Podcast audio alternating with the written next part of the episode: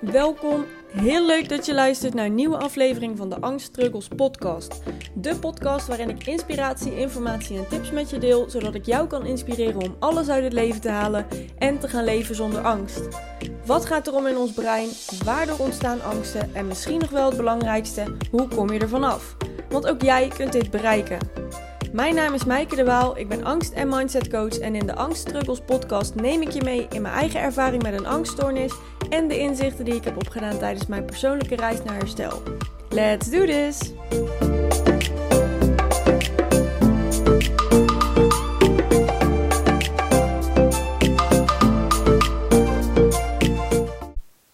Goedemorgen allemaal, of middag of avond, maar net wanneer je deze podcast luistert. Ik zit deze podcast in ieder geval in de ochtend in mijn pyjama op te nemen. En ja, nu zul je misschien denken, je had je best wel even kunnen aankleden. Maar ik heb echt zo het idee dat dit verhaal er nu uit moet. Dus vandaar gewoon in mijn pyjama.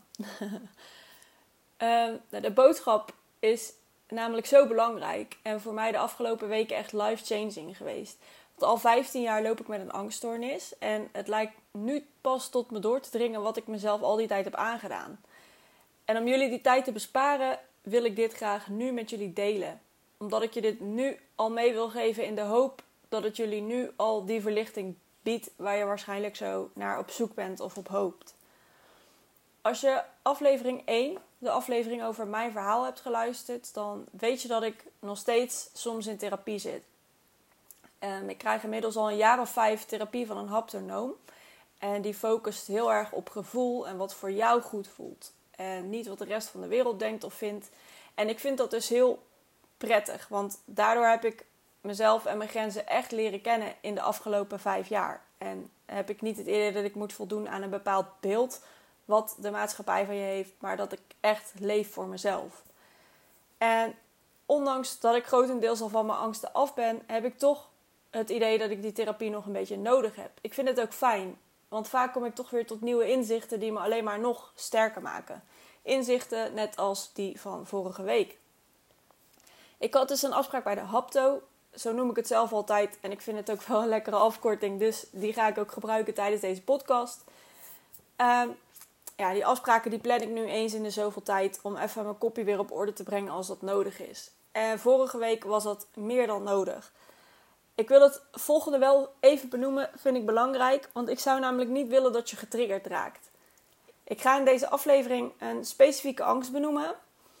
En specifieke situaties waarin ik last heb van die angst. En ik weet dat deze angst voor heel veel mensen herkenbaar is. En ik ga er in deze podcast ook een oplossing voor noemen. Maar mocht je het toch niet fijn vinden om te horen, dan is dit het moment om de podcast af te zetten. Over een paar maanden start ik met een nieuwe baan. En daarbij ga ik een maand later ook starten met een HBO-opleiding. En ik vind beide heel erg spannend. Ik merk dat hierdoor mijn angsten weer naar boven komen. En ook angsten die eigenlijk al jaren waren weggezakt, ja, die komen in één keer weer terug. En nu projecteerde zich dit allemaal, dus heel die spanning projecteerde zich op één angst: het niet lang durven staan of staan praten met mensen. In die situaties krijg ik altijd een enorm paniekgevoel. Ik moet dan een stoel hebben of een muurtje of wat dan ook waar ik kan zitten. Is dat er niet, dan schiet de paniek helemaal tot het dak en moet ik vaak smoesjes verzinnen om er onderuit te komen. Nou, je kunt je voorstellen, waarschijnlijk super vervelend. Zeker als ik denk aan bijvoorbeeld rondleidingen, uh, thuiskomen bij cliënten, waar ik me waarschijnlijk niet meteen op mijn gemak ga voelen. Een introductiedag van school, presentaties geven, wachten voor collegezalen. Uh, misschien wel staan in de pauzes, bijeenkomsten, noem maar op. Ik kan mezelf helemaal gek maken hierin. En op een gegeven moment kwam het zelfs zover. En dit had ik dus een paar jaar geleden ook, maar het was weg en het kwam nu terug. Dat als ik mensen op tv zag staan in een geforceerde situatie, zoals bijvoorbeeld bij The Voice, als ze dan gezongen hebben en commentaar van de jury krijgen, uh, dat ze dan lang moeten staan in een spannende situatie. Of bij Lego Masters, als ze de beoordelingen doen, dat ze dan ook lang moeten staan, zeg maar. En in die situaties voelde ik gewoon paniek. Terwijl ik thuis in de bank zat of lag. Eigenlijk super veilig, maar toch voelde ik die paniek. Want wat zou ik doen in die situatie? Wat zou ik voelen in die situatie? En zelfs op tv ga ik dan zoeken naar uitvluchten. Bijvoorbeeld krukjes die in de buurt staan of uh, de rand van het podium waar je zou kunnen gaan zitten. En ja, toen ik op dit punt kwam, en dat gebeurde echt allemaal binnen een paar uh, weken of ja, misschien wel dagen, dat ik mezelf zo intens enorm opgefokt had. Toen ik op dit punt kwam, toen dacht ik: nee, nee, nee, nee, ik moet hier echt iets mee. Want dit komt gewoon niet goed. Ik zit straks weer thuis en uh, ik moet hier gewoon nu actie op ondernemen. Dus ik ging naar de hapto. En ja, vorige week was die afspraak. Daar aangekomen besprak ik mijn struggles zoals ik die uh, net omschreven heb. En ik zag hem even nadenken. En toen gebeurde waar ik eigenlijk al bang voor was. Maar waar ik stiekem ook op hoopte. Want hij stelde dus voor om de sessie staan te gaan doen. Drie fucking kwartieren lang moest ik met hem staan gaan praten. En ik had daar natuurlijk nee op kunnen zeggen. Want ik vond het ja, echt niet leuk. Het roept bij mij gewoon spanning op. Ik had daar nee op kunnen zeggen. Maar ik weet ook dat het me juist wel verder ging helpen als ik het wel zou doen. Want dan kon hij mij ondersteunen op het moment dat ik uh, me het zwakst voel. Dus we gingen staan. En wat daarna gebeurde, heeft de kijk op paniek voor mij echt veranderd. Hij vroeg me naar mijn behoeftes. En ik voelde natuurlijk spanning doordat ik stond. En ja, waar een normale psycholoog misschien zou zeggen van... Uh, die spanning moet je ervaren, daar moet je even doorheen. Maar de hapto focust zich dus heel erg op het laten afnemen van die spanning. Wat is goed voor jou? En daarom vind ik het ook zo fijn om bij hem in therapie te zitten, die andere aanpak. Maar goed, hij vroeg me naar mijn behoeftes. Wat zou ik nodig hebben om minder spanning te voelen? Om mezelf te verlichten? En waarom vond ik het dan eigenlijk zo spannend om te staan? En waar voelde ik dat in mijn lichaam? Nou, het makkelijkste om dit uit te leggen is, ja, denk ik, om jullie even mee te nemen in de sessie en het gesprek dat ik met hem had. Ehm, zodat je echt uh, de inzichten krijgt op, de, op het manier zoals ik ze gekregen heb.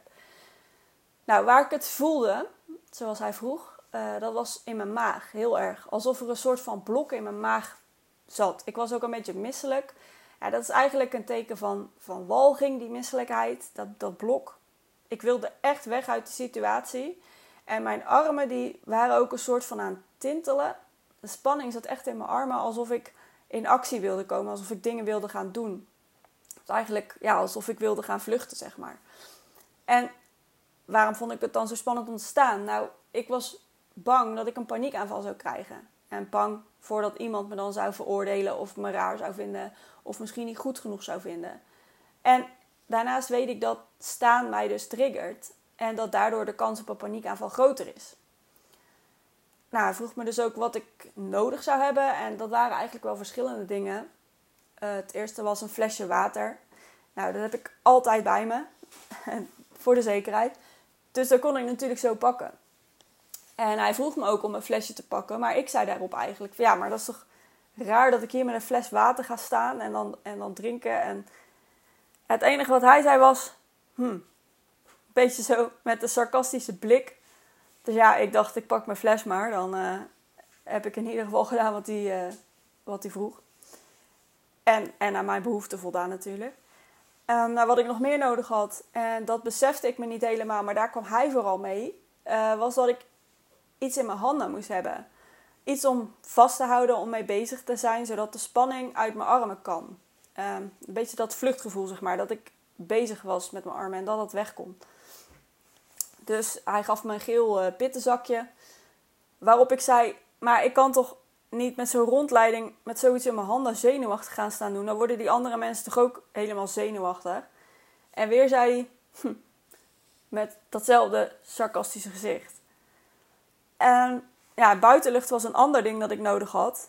Waarop hij zei: Ja, dus wat gaan we doen? En ja, we gingen naar buiten. Nou, vond ik op zich best wel lekker. Even inderdaad echt aan mijn behoeftes voldoen. Dus daar stonden we dan buiten voor het gebouw. Gelukkig onder een afdakje, want het begon net een beetje te regenen. en ik stond daar met mijn fles water onder mijn oksel geklemd. Het pittenzakje in mijn handen. En er was letterlijk geen één mogelijkheid om te gaan zitten. Zelfs geen fietsenrekje of zo. Er was gewoon, uh, nou ja, gewoon niks. Behalve de grond natuurlijk. Maar er was geen, uh, geen bankje of iets.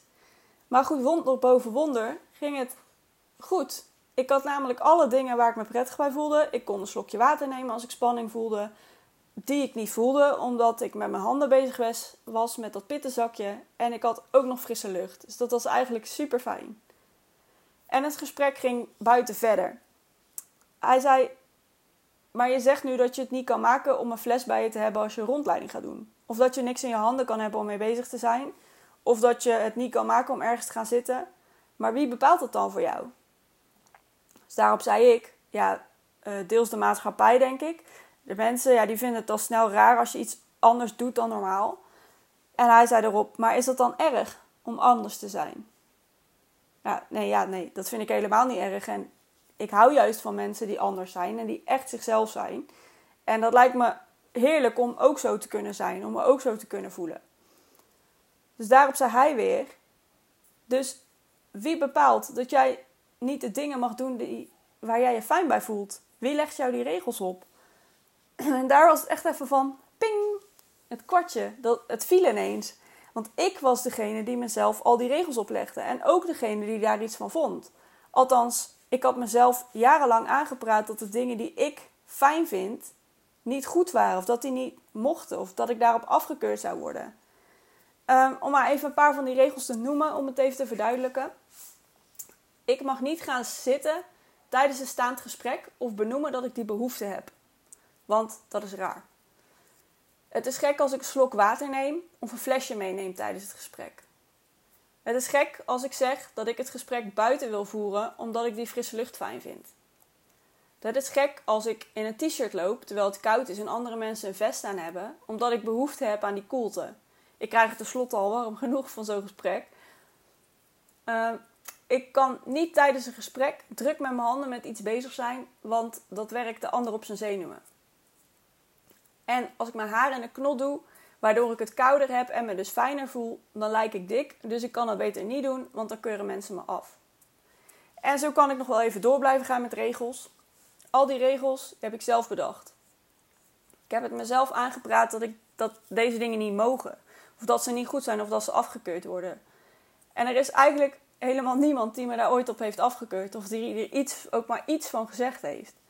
En als ik erover nadenk dat andere mensen dit zouden doen als ik ze een rondleiding zou geven of tijdens een bijeenkomst of zo, ik zou dat dus helemaal ook niet zo raar vinden. Ik zou het zelf niet veroordelen als het me überhaupt al zou opvallen. Als iemand ergens behoefte aan heeft, dan moet diegene dat vooral doen en zich niet aanpassen aan mij, omdat hij of zij denkt dat ik er misschien wel iets van zou kunnen gaan vinden. En een aantal geleden, ja, toen zat ik uh, Dream School te kijken, een programma op NPO. En de mensen daar die kregen les van een fotograaf. En die man die was zo ongelooflijk zichzelf. Die had ook echt een heel mooi verhaal te vertellen. Maar ja, hij was gewoon echt zichzelf. Hij deed gewoon waar hij behoefte aan heeft. Hij deed terwijl die les aan het geven was over fotografie, deed hij zijn schoenen uit en ging hij op blote voeten lopen. En daarna ging hij zelf midden op een groepje tafels zitten, gewoon tussen de leerlingen, terwijl hij les gaf aan de groep. Gewoon waarschijnlijk omdat hij daar gewoon behoefte aan had. En ik vond het zo heerlijk om te zien dat iemand zo zichzelf kan zijn en gewoon voldoet aan zijn eigen behoeftes. Zonder daar aandacht aan te schenken, maar dat het gewoon ja, oké is. Er was ook inderdaad helemaal niemand die er iets van zei. En een ander voorbeeld dat ik met de Hapto besprak, uh, dat is Peter Gillis van het programma Massa is Kassa. Mocht je dat nog niet gezien hebben, ga dan vooral kijken. Al is het alleen maar om inspiratie te krijgen van hoeveel scheid je kunt hebben aan een ander. Die man is ook zo zichzelf en die zegt en doet waar hij behoefte aan heeft. Ja, soms is, is dat op een ontzettend botte manier en stoot hij daarmee een hoop mensen af. Maar het scheelt hem waarschijnlijk ook een hoop frustratie. Want hij zal zichzelf niet die regels opleggen waar ik het net over had, omdat hij gewoon doet wat goed voelt op dat moment. En hij durft dat ook uit te spreken naar een ander. En wij, mensen met een angststoornis, zijn vaak al zo voorzichtig dat op het moment dat wij onze mening uitspreken, dan klinkt dit waarschijnlijk nog steeds hartstikke lief. Dus wij zullen zo bot niet, niet zijn.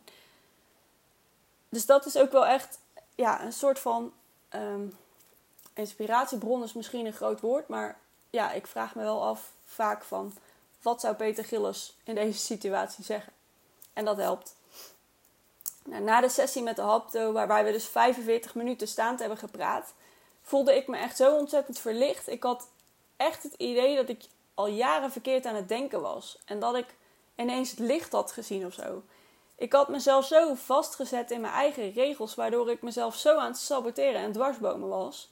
Regels die echt gebaseerd zijn op lucht, op wat ik zelf denk dat een ander zou kunnen denken.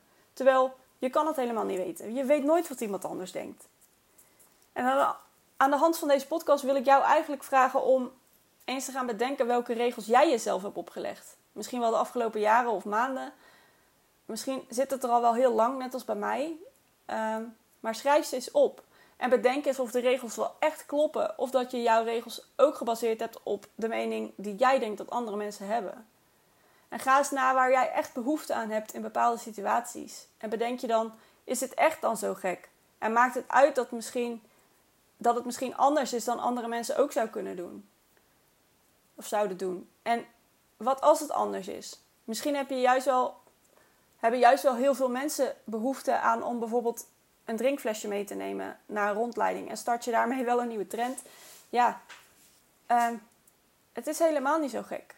En wat ik je dus vooral mee wil geven uit deze podcast, en ik zal het heel even voor je samenvatten. Ga leven zoals het voor jou goed voelt. Doe de dingen waar jij op dat moment behoefte aan hebt en regel dat ook voor jezelf. Als jij bijvoorbeeld tijdens een feestje behoefte hebt aan een barkruk omdat je niet lang kan staan, ga er dan om vragen bij de barman. Je hoeft geen hele uitleg te geven. Je kan gewoon zeggen: Ik kan niet zo lang staan. En als ik dan op een barkruk kan zitten, dan vind ik fijner. Je hoeft niet heel je geschiedenis te vertellen over waarom dat zo is. En daarnaast ga vooral niet denken voor een ander. Want nogmaals, je weet niet wat de ander denkt of vindt. En ik heb daar zelf ook wel heel veel last van gehad in het verleden. Ehm, dat mensen bijvoorbeeld de gezichtsuitdrukking maakten als ik iets zei. Maar die gezichtsuitdrukking die hoeft per se niet altijd te kloppen bij wat die persoon denkt. Ehm, ik heb bijvoorbeeld heel snel, uh, of heb, wel eens doorgehad in een bepaalde situatie dat iemand gewoon een steekje in zijn buik had en daardoor wat moeilijk keek. Terwijl ik dus dacht dat het als reactie was op wat ik zei, dat hij moeilijk keek. En dat zijn dus dingen van, ja, het hoeft helemaal niet te kloppen met elkaar. Je weet echt niet wat een ander denkt of vindt. Dus ga daar ook niet klakkeloos van uit. En vergelijk jezelf ook niet met een ander. Want iemand anders heeft andere behoeftes dan jij. Jij hebt misschien andere behoeftes door je angst, maar dat maakt je niet minder waard. En betekent ook niet dat je raar bent of afgekeurd gaat worden.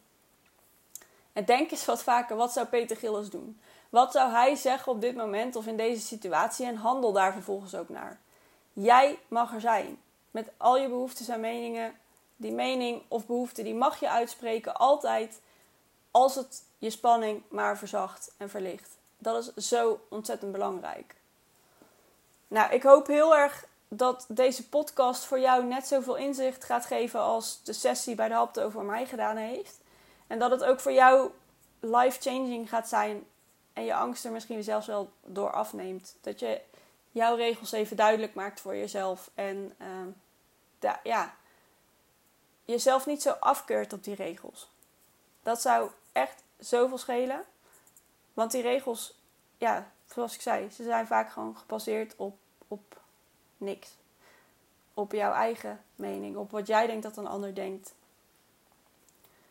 Heb jij naar aanleiding van deze podcast vragen, dan mag je me natuurlijk altijd even contacten of een gratis adviesgesprek inplannen via de website www.its-your-journey.com. Onder het kopje gratis vind je die. Ik wil je hier heel graag bij helpen, omdat ik nu heb ervaren en ik weet hoe erg dit van invloed kan zijn op je angsten en de paniek die je voelt. Dus schroom zeker niet om contact met me op te nemen. Ik beantwoord al je vragen. Hoe gek je de vragen misschien ook, ook vindt die je aan me wil stellen. Dat is misschien ook een regel die je jezelf oplegt.